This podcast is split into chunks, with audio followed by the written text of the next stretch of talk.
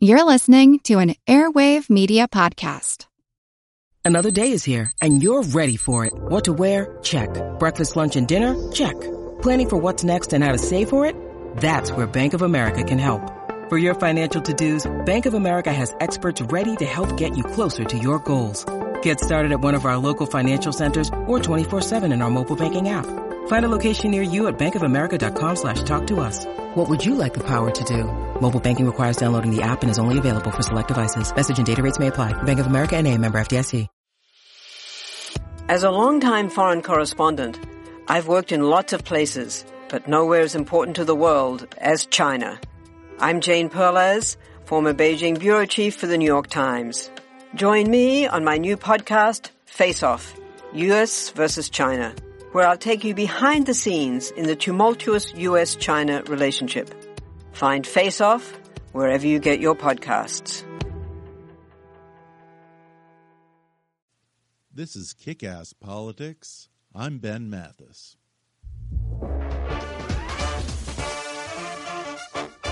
Hi, folks. Before we start the show, I want to ask for your help. If you enjoy Kick Ass Politics, I hope you'll help us reach our goal of raising our full production budget for 2016 by donating on our website at kickasspolitics.com or at gofundme.com backslash kickasspolitics. Thanks for listening, and now enjoy the show. Hi, I'm Ben Mathis, and welcome to Kick Ass Politics. I'm thrilled to have a genuine comedy legend on the show today, someone who has been making me laugh since, well, I don't know when. Carl Reiner is an actor, director, producer, and writer responsible for some of the funniest television shows, movies, comedy albums, and books of the past seven decades. After debuting on Broadway in 1950, Carl Reiner got his big break as a co star and a writer on Sid Caesar's Your Show of Shows, where he was part of the most famous writer's room in television history, which also included his best friend Mel Brooks, playwright Neil Simon and his brother Danny Simon, Larry Gelbart, Mel Tolkin, and according to legend, a young Woody Allen for a typist. Then he went on to become the creator, writer, producer, and actor of the beloved classic The Dick Van Dyke Show, which ran for five seasons and 158 episodes on CBS. After that, Carl Reiner went on to write and direct movies, including Where's Papa, Oh God with George Burns, and some of Steve Martin's funniest films like The Jerk, Dead Men Don't Wear Plaid, The Man with Two Brains, and All of Me. He's also continued to act for film and television in It's a Mad, Mad World, The Russians Are Coming, The Russians Are Coming. I'm not repeating myself, folks, that's the name of the movie. And more recently in the Ocean's Eleven movies and the hit sitcom Mad About You, for which he won an Emmy Award for Outstanding Guest Actor in a Comedy Series. In fact, he's won nine Emmy Awards, although, according to him in our interview, the internet has it wrong, and he actually has 12 Emmys as well as a Grammy Award for his and Mel Brooks' hilarious 2,000 Year Old Man album. Plus, he's also been elected to the Television Hall of Fame. He's written 16 books, including his latest called Why and When the Dick Van Dyke Show Was Born. Today, Carl Reiner will talk about the early days of television and his start in show business as a writer and co star of Sid Caesar's Your Show of Shows, and how the antics of himself and his fellow writers inspired him to create The Dick Van Dyke Show. We'll talk about his scary brush with McCarthyism and how he avoided naming names. We'll discuss writing and directing with a young Steve Martin on such comedy classics as The Jerk. And of course, we'll talk about being best friends with Mel Brooks for 65 years and counting, and how the two of them came up with their famous 2,000 year old man routine.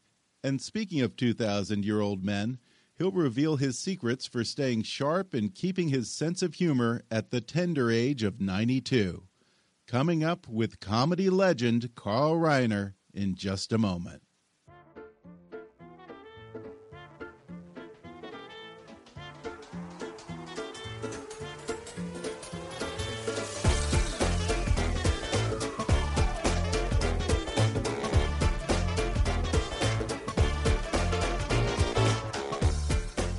Hollywood to Washington, it's time for Kick Ass Politics.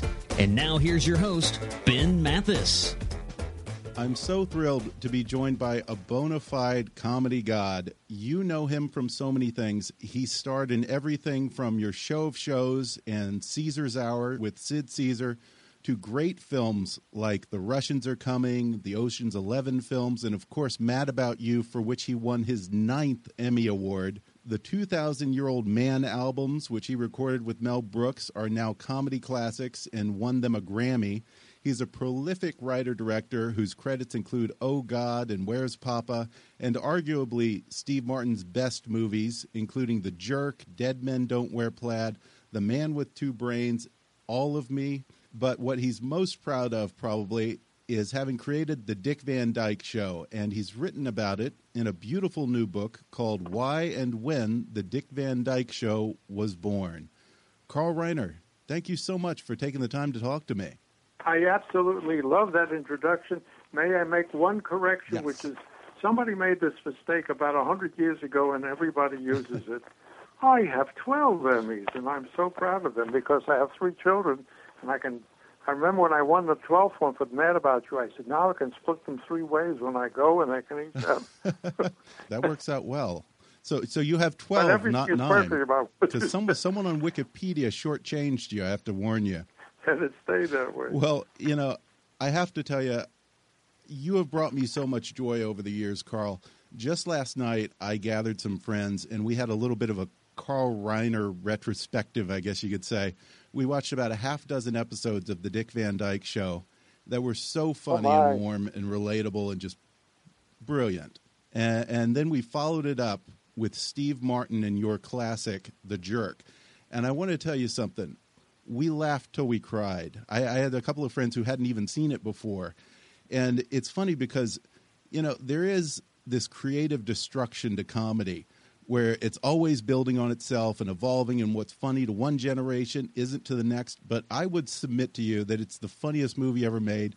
And I think you could sit an 80 year old man or an adolescent boy in front of the TV to watch The Jerk, and they will laugh their asses off.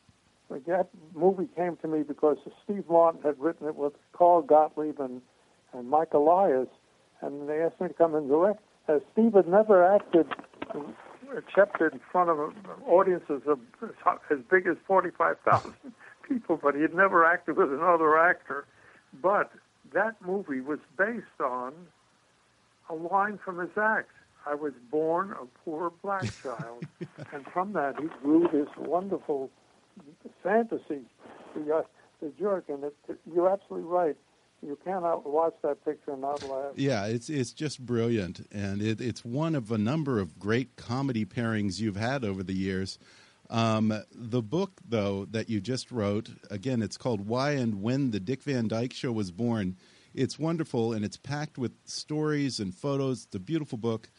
But I was amused that you put the table of contents on the back cover, where usually all the reviews and the quotes are. But you do have in the beginning of the book a pretty lofty laudatory quote that starts off the book. This person says, After four hours at the wheel of a Mississippi paddle boat, transporting folks to their homes, I am afforded no greater pleasure than retiring to my stateroom, turning on my new RCA Victor 7 inch television set, and watching Carl Reiner's hilarious Dick Van Dyke show. Signed, Mark Twain. I know. I know. I, you know, Mark Twain and I were brethren. I, I, he is the man I most, I most admire in the world as far as writing. I was uh, surprised on "This Is Your Life," and they asked my wife what uh, kind of car I would like, and she said he has a car.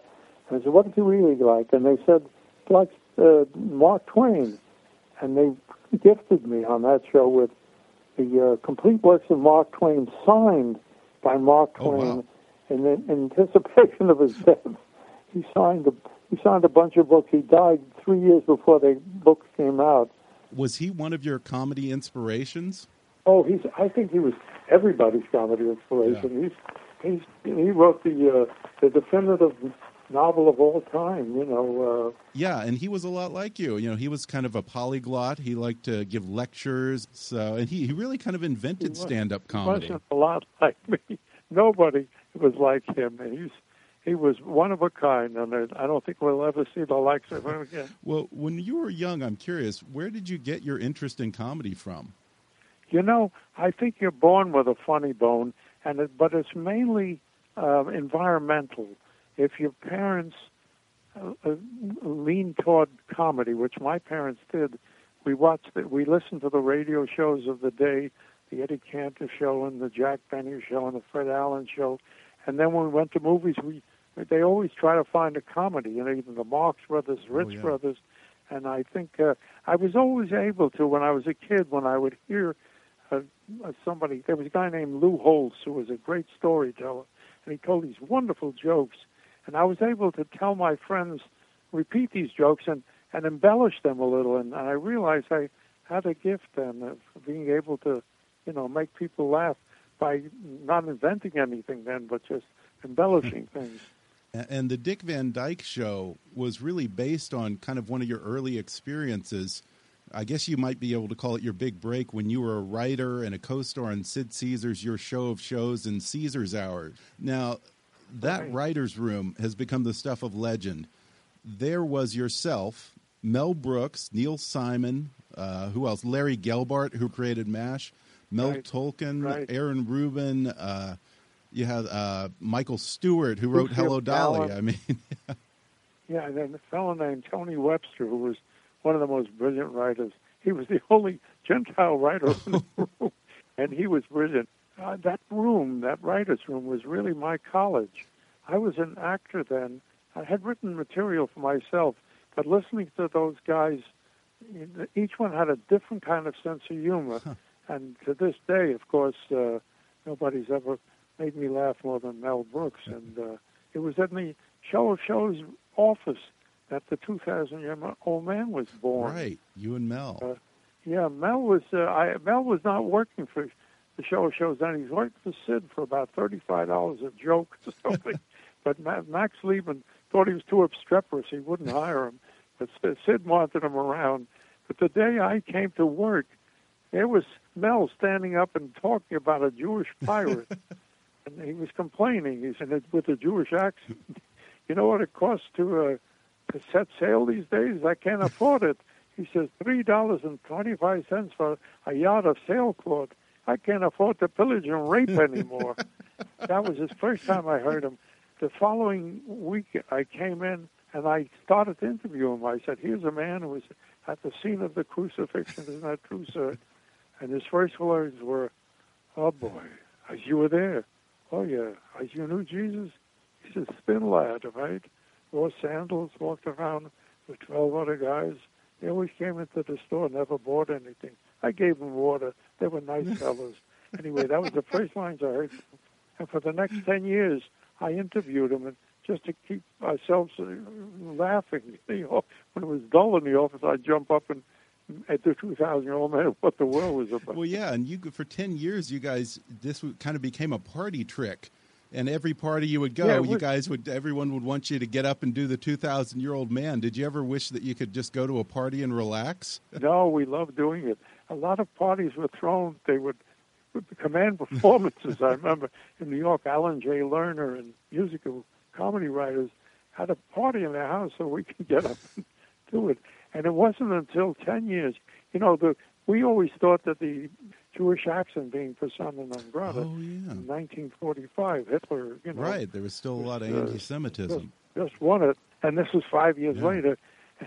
We figured the Jewish accent was only for Jews and non-anti-Semitic Gentiles.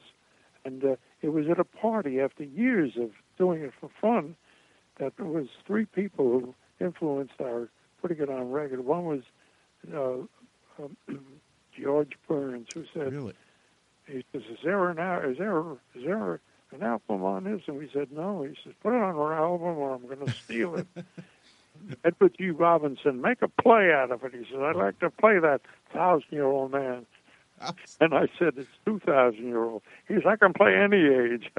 I actually said that, and it was Steve Allen, bless him, who uh, who said, "Fellas, you got to put it on an album." He said, "I have a a company, World Pacific Jazz, take over the studio, and I have no, I don't want anything to do with it. You just wail, and we did. We got our 300 people. We we did three hours of ad libbing and put it cut it down to 47 minutes, and that became the 2,000 year old. Oh man. yeah, it's a classic. It's a classic. Steve Allen, who Oh yeah. but without him we would have we would have gotten out to the Yeah, to the he world. nurtured so many careers. He he was a wonderful human. He was a dear, dear man. yeah. He he cared nothing more than to get great comedy minds out, comedy talent into the world. yeah. He he did that maybe a dozen times. Yeah. Well, I, I, I'm curious because you know when you were working in that writers' room, it's almost it's almost unfair that any show had that much talent. Was it just that Sid Caesar attracted great talent, or Oh, was it that the experience was like a proving ground that built yeah, I talent? I call them like uh, the flame that every moth came to want to buzz around. All the talented moths, they all want to write for Sid Caesar. A guy like uh, Larry Gelbart, who was making a very good living writing jokes from millions of different. He was he was a, a rich writer, and when he came aboard Sid Caesar, he got him from Bob Hope. Bob, he was a Bob Hope writer. really. He used to write one-liners for Bob Hope, you know, by the dozens. And I remember after being on our show for two years, Bob Hope called, and he told Sid, he said, "I'd like to, I'd like to get Larry back." He said, "I'll tell you what, I'll give you an oil well for him." He wanted to trade. Larry for an oil well. That's how Oh yeah, because he owned all man that he was. Yeah.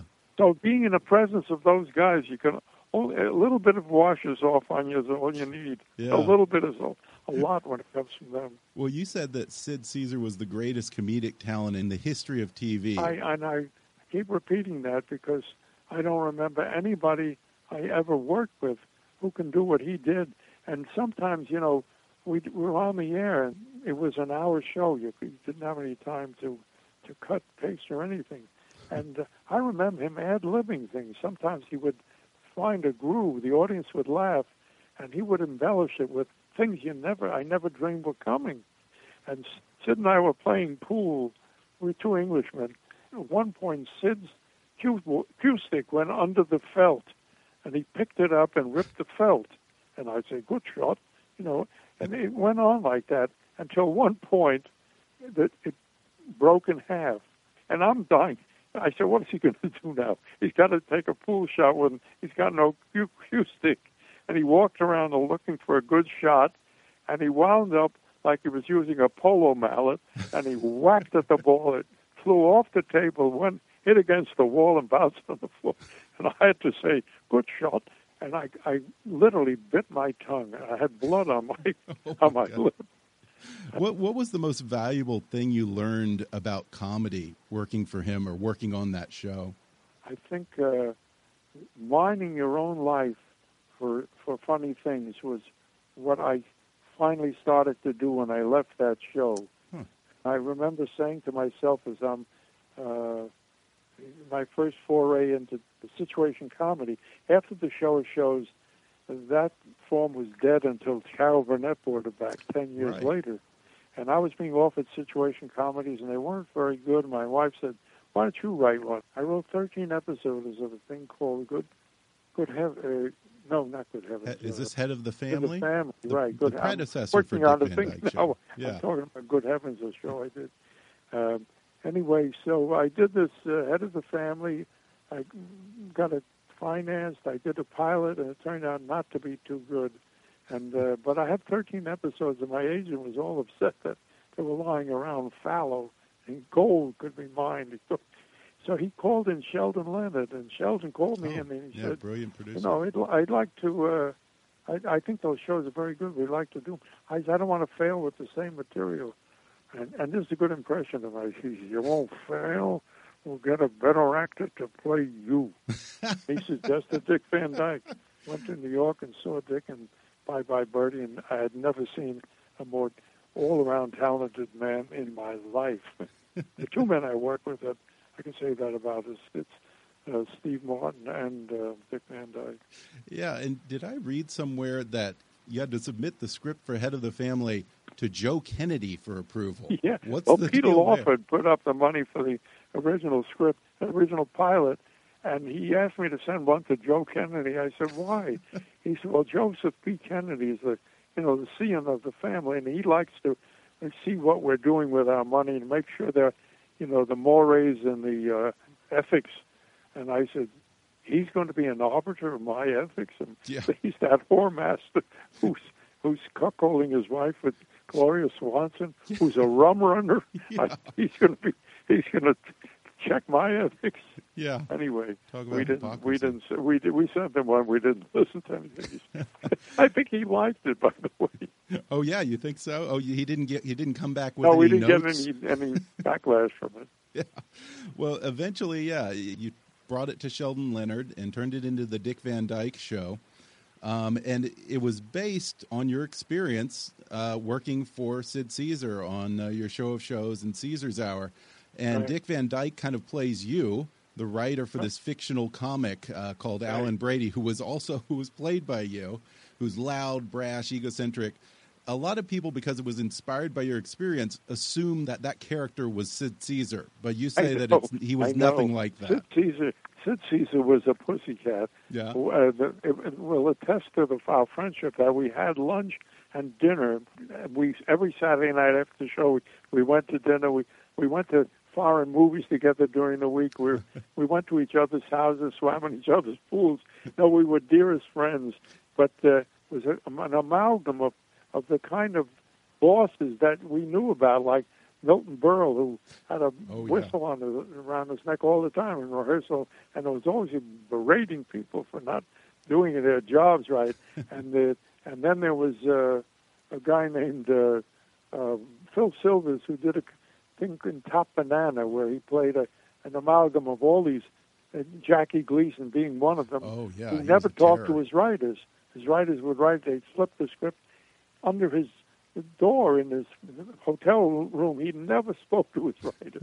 so I said, you have to have somebody mean, and that's what I, I invented that guy. I'm an amalgam of those three other Yeah, people I knew about. yeah, and you played him too. I played him too, yeah. Now, who who came up with uh, Dick Van Dyke's signature pratfall, where he stumbles over the ottoman? Well, you know something?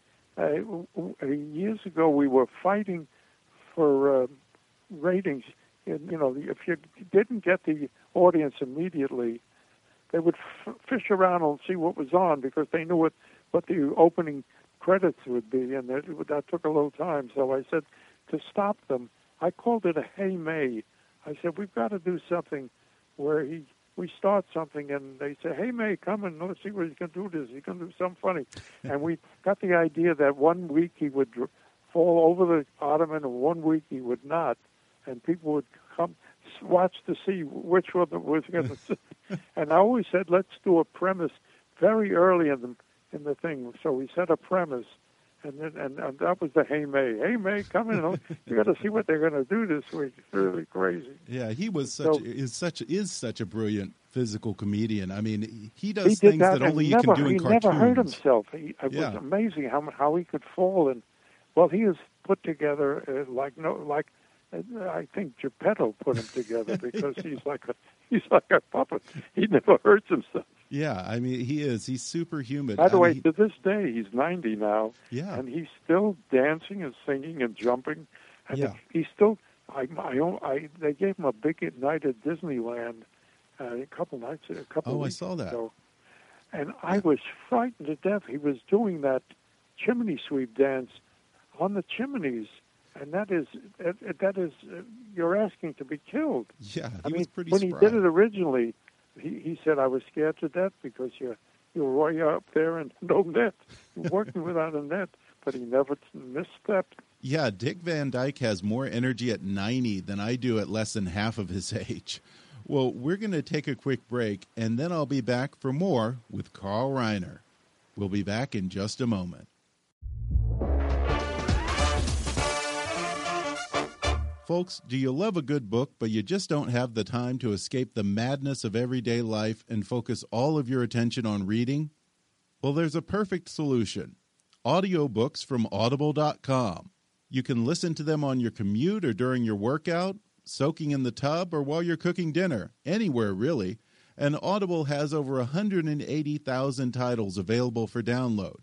which means you can probably get just about any book that you could buy in a regular bookstore downloaded right to your smartphone, your tablet, or any MP3 player. How convenient is that? And right now, you can get a free 30-day trial and a free audiobook with a special promotion for our listeners at audibletrial.com backslash kickasspolitics or click on the sponsor link on our webpage.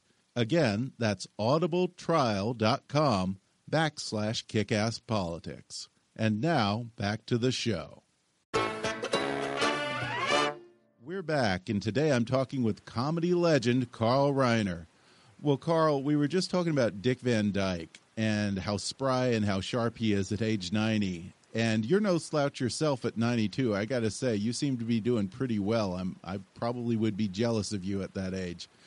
But the thing that I always wonder is I'm sure that you're used to people coming up to you and say, "Wow, you're still sharp at your age," as if they think you're, you know, they expect no, it's I like they expect it. you to be a vegetable or something. I love that I can say it to myself because while we're talking now, there's a guy in the other room. We're working on a new, a new book that is.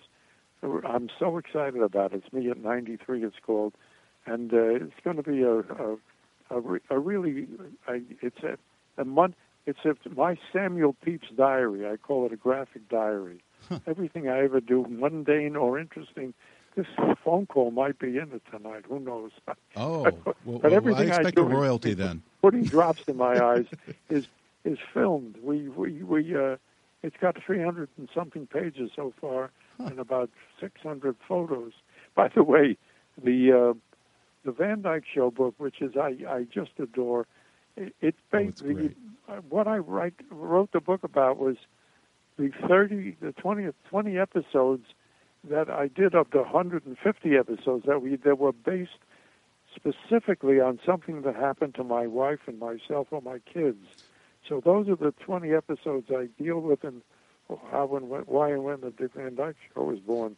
And I love doing that because Yeah. I can show actual photos of the thing that happened in my life with my wife and my kids and how it about the book. translated into a uh, episode.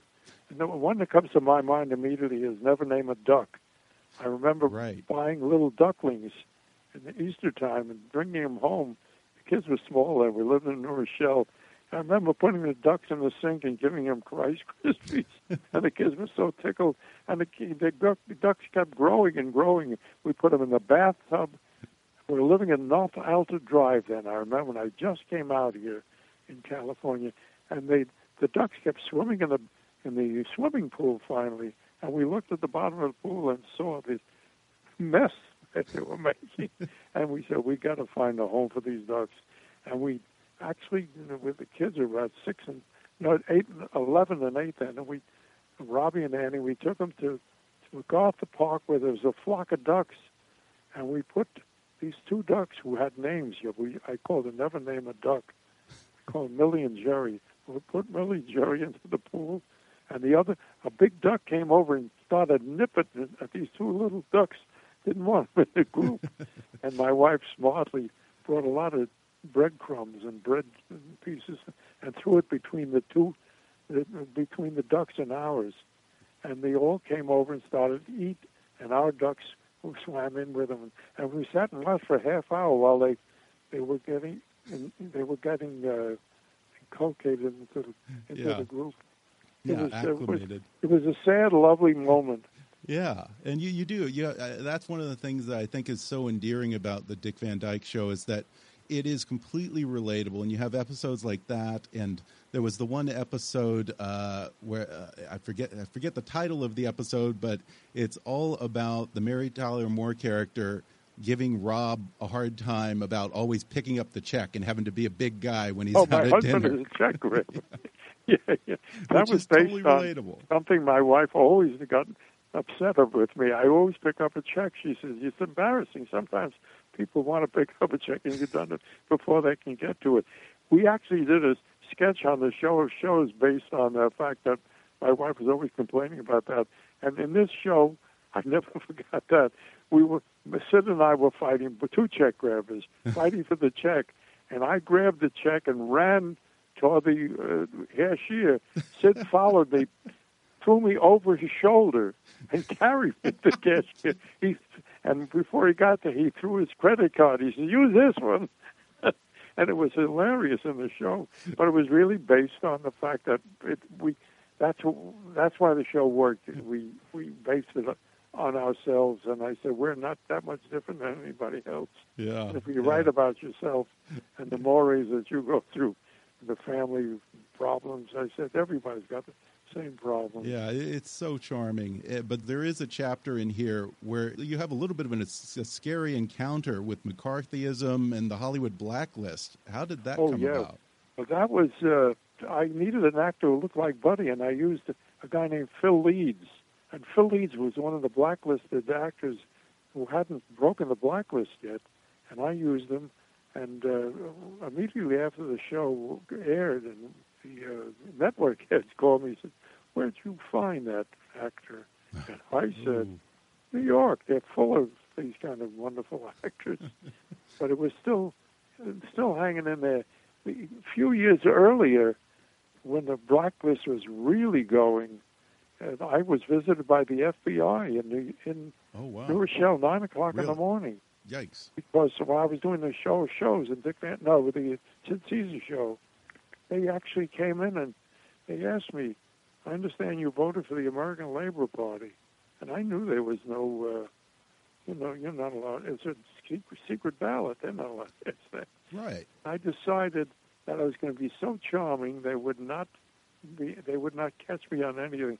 So I became one of them. I said, "Yes." I said, "Absolutely." I said, "I hope you did." I said, "Are you guys?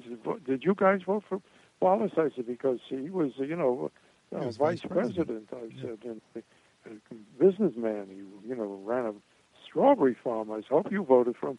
And I did this the whole time, to, to, right to the end, where they even asked me, "Do you know any communists?" And I said, "I'm sure I do." He said, "Would you name them?" I says, "I says communists don't tell you their names. They, that's you know, they, guys like you come around chasing them." I said, "They." They, they, I know they're out there because you guys tell me about it. That is But a was like brilliant way to answer that Charming. question. Yeah, That was brilliant. but but uh, they, all they also asked me. They said, "Did you MC a thing at Carnegie Hall uh, for Edward Barsky, Dr. Barsky, a known communist?" I said, "I didn't know he was a communist, but I did a, interview him, and I do it again." They said, "Why?" And I said, "Well, he's the guy who invented plasma, and and the, on a jeep he used Uh, to extrude plasma from blood, which saved millions of lives during the war." And I said it was also at Carnegie Hall. as every actor's dream is to MC at Carnegie Hall, and here I have a chance to MC at Carnegie Hall and do it for a great man. And I said, gentlemen, if you guys, if FBI ever have a big event, I'm your guy. I'll be happy to MC. I just, I charmed the shit out of them. They left, they left me alone. yeah, they they probably went back to J. Edgar Hoover and said, uh, you know, that Carl Reiner, he's our kind of guy. Don't worry about him. he's one anyway, of us. that's that's in the other book. But uh, no, the Dick Van Dyke book that you you're talking about is was a labor of love because I, Yeah. I when I when I remembered um, shivering while I asked my wife to marry me, I put the same thing in Robin Right. Laura. He's shivering in the car, and he, we had funny lines there where. He says, you're shivering. He says, well, people in my family always shiver when they ask somebody to marry them. he says, is that what you're doing? Yes. He says, now you're shivering. Why are you shivering? He says, my family, every time you accept a marriage, you we shiver. Is that what you're doing? Yeah. Anyway, that was the version of it. But uh, Yeah, I was I was so happy to be able to duplicate what I you know I had done in real life. Yeah, there are. There are so many great stories that came from your real life, and it's so, like I said, it's just uh, the thing that come I take away is it's funny, yes, and it's so relatable. You know something? While I was doing this show, when I started the show, I knew we had something special. I didn't know someday you're going to call me and talk about it, but I knew we had something special. And I told any writer who worked with me, I said, we use no slang of the day. I I have a feeling this is going to be a forever show that will get repeated. And I said, we use slang if we call a gun a gat or a girl a mall or some, something like that. I said, don't use any of the cliches. And I said, I have a feeling this thing will last. Well, I was prophetic about that because Yeah, I'm so happy. this is the biggest thrill I ever got is when people come up to me, and this has happened in three different generations because it's a long time now. A kid will come, a man will come up to me and say, "I was a kid." They'd say, and I watched the show, and I knew I was funny, but I knew I didn't want to get up in front of people to, to to talk, but I knew I could write it, and I became a writer. I didn't know there was such a thing as a writer. I thought all comedians wrote their own material. Oh, and wow. that wasn't told to me once, but maybe four dozen times, but in different eras. Like between 15, 20 years later, I'm still hearing it. I heard it. Oh, I was on the Conan O'Brien show, and I started to tell this story. And he said, I'm one of those guys. I was watching your, Wow. your show as a kid, and I said, gee, maybe maybe I could be a, you know, a writer, you know. Yeah, I mean that alone is a huge contribution, and yeah, Yeah. it was the first show that really kind of showed the inside look at what a writer does on a TV show. Right. Uh, it- yeah, it's just so wonderful. And one of your sons, some people may not know, is Rob Reiner, the brilliant director who did When Harry Met Sally and Princess Bride, played Meathead and All the Family. When he was a little kid, uh, was he precocious? Could you tell that he had the comedy gene? Oh, he he he was a precocious kid in that he first of all he has a photographic memory to this day. when we did the 2,000 year old man in living rooms for friends, he was like six, seven years old.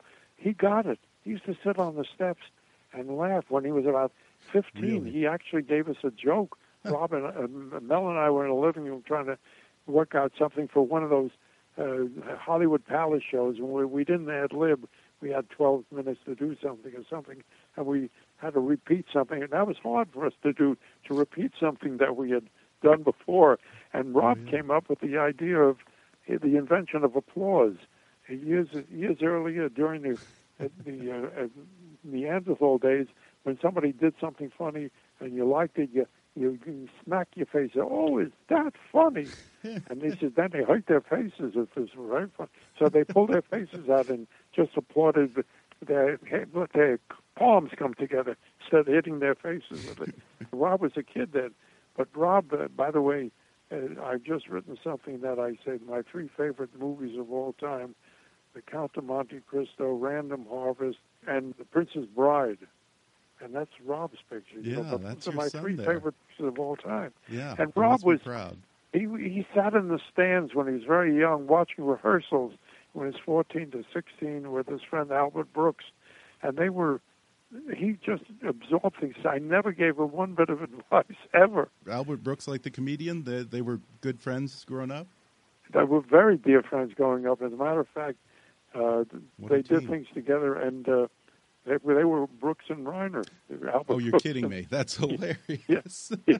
Just They- like you and they Mel. were, did little improvs together. But Albert Brooks is one of the funniest human Oh, yeah. beings that ever lived. Yeah, and uh, wonderful guy. but Robbie has made some of maybe the best movies ever made. He's you know he and he's got one coming out now come, called LBJ that's coming out by the the election time, and it's going to be a blockbuster. I saw it. It's so brilliant. It's so good. He's made movie. He, he, I think it's, 15 movies. I don't know how many he's made, but each one of them he outdoes himself. Yeah. A few good men. yeah, you you think know, he'll ever uh, go into politics? He, I know that he flirts with it. Well, he and was then. he was you know there was one point they wanted to run for governor. right. I remember. And, and he said, I can't even get. Uh, I I only get four. I don't get enough votes in my own home for that. I couldn't couldn't carry my household. No, I'm glad he never went. But he's very political. He's a he's very he knows about everything. He's one of Yeah. the smartest guys I. Yeah, yeah, he is. I just want to ask you: you and Mel Brooks have a friendship of God. I don't even know what sixty years. I mean, it, it's something to aspire to for all of us. I think. Um, you still hang out. I think I heard every week. Uh, what do you guys yeah, talk no, about? every night he comes over every night, maybe one night a week. He might not, but it's usually seven nights a week, and we watch movies, Really? we watch television. What kind of movies do you guys like? Talk, and uh, we sleep. and he said, "Get up." Yeah. Sometimes I'll stall. He's what? What's what happened? I said, "You fell asleep. You should see this one. It's very good." What, what kind of movies do you guys usually watch?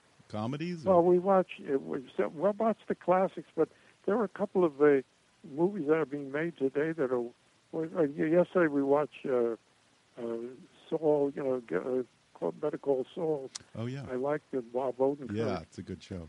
But there are an awful lot of good little things. Uh, of course, game shows. When we're eating dinner, we always watch Oh, yeah? uh, Jeopardy and Wheel of Fortune. Really? They're very easy to watch. uh, Very good to watch while you're eating, you know, so you don't upset yourself.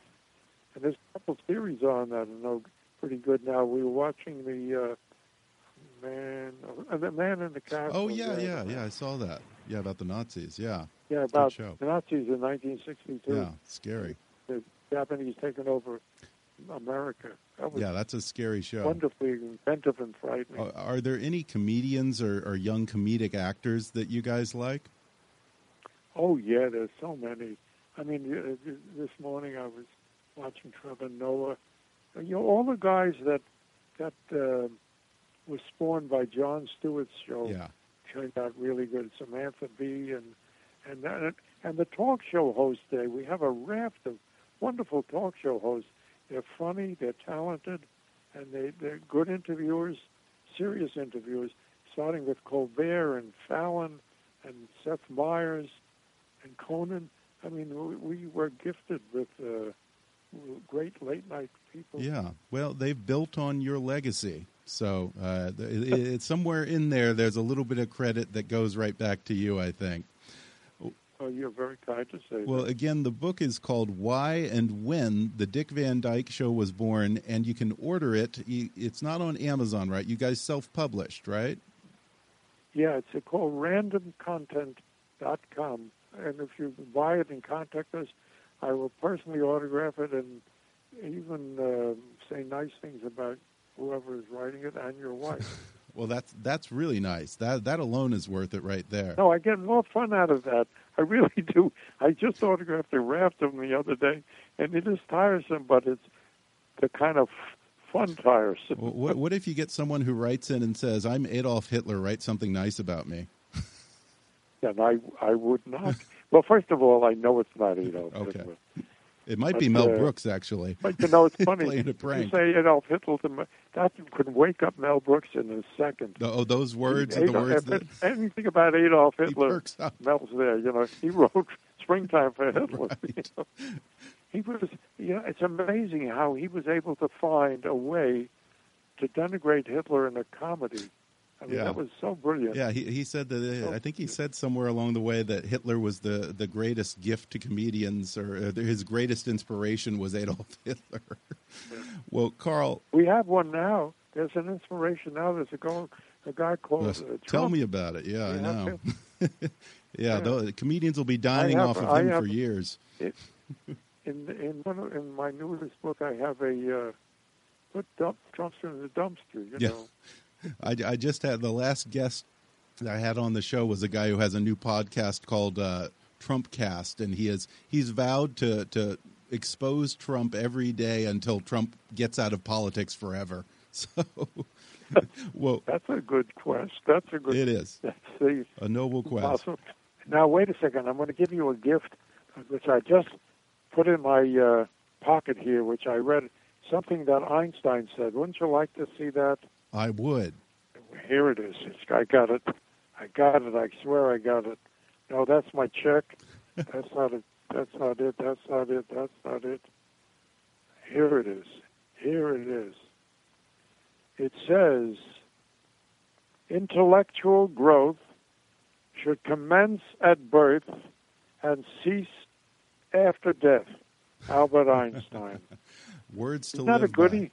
Isn't that a goodie? That is, that is, and, and you're living proof of it too. Well, Carl, you are truly a mensch among mensches. I, I don't think Oh. yeah, I can even measure how much joy you've brought myself and millions of others. I, my my my dream is that to be alive in a few months and have you interview me about my my me at 93, which is my next work. Well, you stick around, and I guarantee you, wild, wild horses can't stop me. Okay. Carl, you I. I adore you, and thank you so much for coming on the show. And like I said, thank you for just making all of us laugh our asses off for years and years. Thank you so much. Thanks again to Carl Reiner for coming on the show. And believe it or not, folks, Carl Reiner is a prolific tweeter. Who says he can't teach an old dog new tricks? So if you want to laugh, follow him on Twitter at, at Carl Reiner. And if you enjoyed today's podcast, you should definitely order a copy of his new book, Why and When the Dick Van Dyke Show Was Born. It's got lots of great stories and wonderful photos from the set and of his family life that inspired the show. It's self published, so you can't get it on Amazon or in stores, but if you order it on his site at randomcontent.com, like he said, you can include a message for him and he'll even personalize it and sign it to you or whoever you want. Again, the site where you can order it is called randomcontent.com. Be sure to subscribe to Kickass Politics on iTunes and leave us a review. And if you really want to help out, then donate to our GoFundMe campaign at gofundme.com backslash kickasspolitics. Or click on the donate button on our website at kickasspolitics.com. Follow us on Twitter at, at KAPolitics or visit Kickass Politics on Facebook and recommend Kickass Politics to your friends on your social media. And as always, I welcome your comments, questions, and suggestions at comments at kickasspolitics.com. On the next podcast, we'll get a little more serious when I talk with Stephen McAnderson, head of emergency operations for the International Federation of Red Cross and Red Crescent Societies in Geneva. We'll talk about his experience on the front line of some of the biggest disasters of the past two decades including the 2014 super typhoon that hit the Philippines, the Ebola outbreak in Sierra Leone, and his experience most recently confronting a very different sort of disaster as head of emergency operations for the Syrian refugee crisis. Coming up with Stephen McAndrews on the next podcast. But for now, I'm Ben Mathis, and thanks for listening to Kick Ass Politics.